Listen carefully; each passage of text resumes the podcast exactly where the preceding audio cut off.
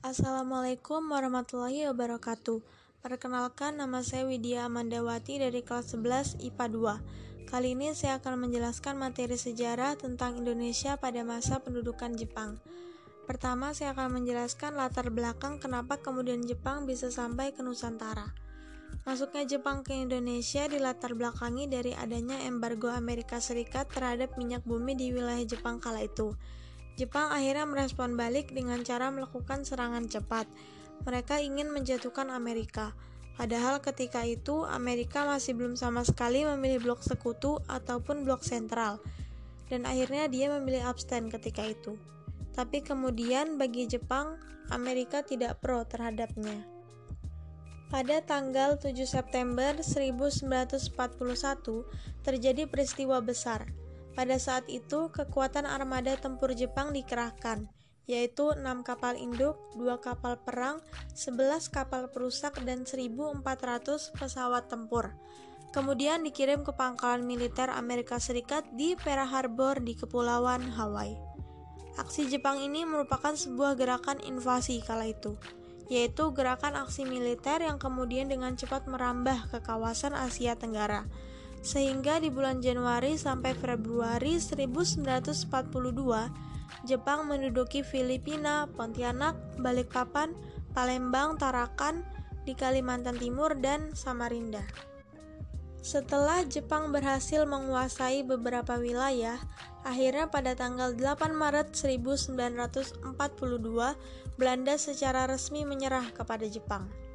Selanjutnya saya akan menjelaskan tentang propaganda-propaganda yang dimunculkan oleh Jepang ketika datang ke Nusantara.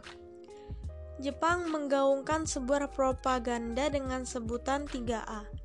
Yang pertama yaitu Jepang Pelindung Asia, yang kedua Jepang Cahaya Asia, dan yang ketiga adalah Jepang Pemimpin Asia.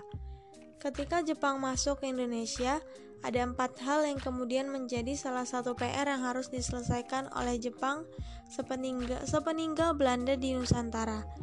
Yang pertama ini, Jepang ketika itu ingin menyapu bersih pasukan-pasukan Belanda, tapi ada beberapa pasukan-pasukan Belanda yang tetap dipekerjakan untuk Jepang. Yang kedua adalah kerusakan wilayah, karena masyarakat Indonesia ini beberapa kali melakukan perlawanan terhadap Belanda dulu. Yang ketiga adalah menyusun dan menggerakkan kembali perekonomian Indonesia guna menyongkong finansial Perang Asia Timur Raya. Yang keempat adalah hiperinflasi yang ditinggalkan pemerintah Hindia Belanda.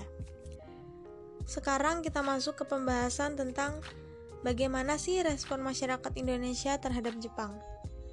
Ada berbagai perlawanan, namun demikian, perlawanan tersebut berhasil ditumpas para tokoh terkemuka di Indonesia kala itu. Memang dipandang tidak mau melawan, namun demikian, bagi tokoh seperti Soekarno dan Hatta, mereka lebih memilih jalan damai.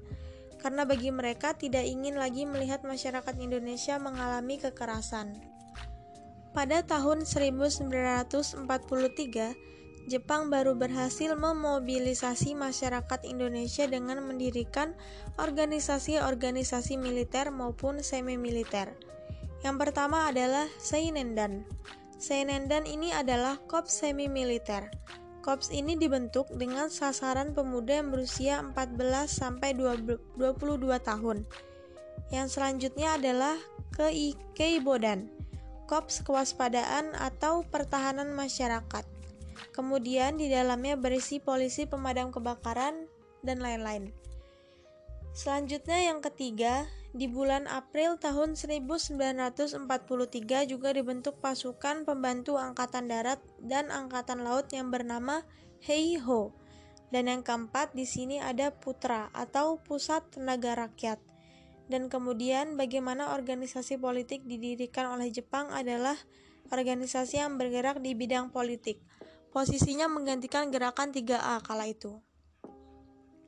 Putra bertujuan untuk membujuk kaum nasionalis dan kaum intelektual untuk mengabdikan pikiran serta tenaganya untuk kepentingan Jepang kala itu. Yang kelima adalah pembela tanah air atau PETA. PETA ini dibentuk di tahun 1943 di bulan Oktober. Organisasi ini adalah organisasi militer dengan mobilisasi yang bersifat sukarela. Yang keenam adalah munculnya organisasi politik lagi yang bernama Jawa Hokokai. Tujuan organisasi ini masih sama, yaitu menggandeng masyarakat agar mau berbakti kepada Jepang melalui tokoh-tokoh Indonesia yang diangkat. Kemudian gerakan bawah tanah ini, seperti Sultan Syahri dan PNI, sudah mulai bergerak secara masif kala itu dengan berani mencoba mengerongrong pemerintahan Jepang yang kala itu sudah mulai rapuh. Situasi yang tidak memungkinkan ini membuat Jepang makin kehabisan cara untuk memobilisasi masyarakat Indonesia. Alhasil paksaanlah yang muncul.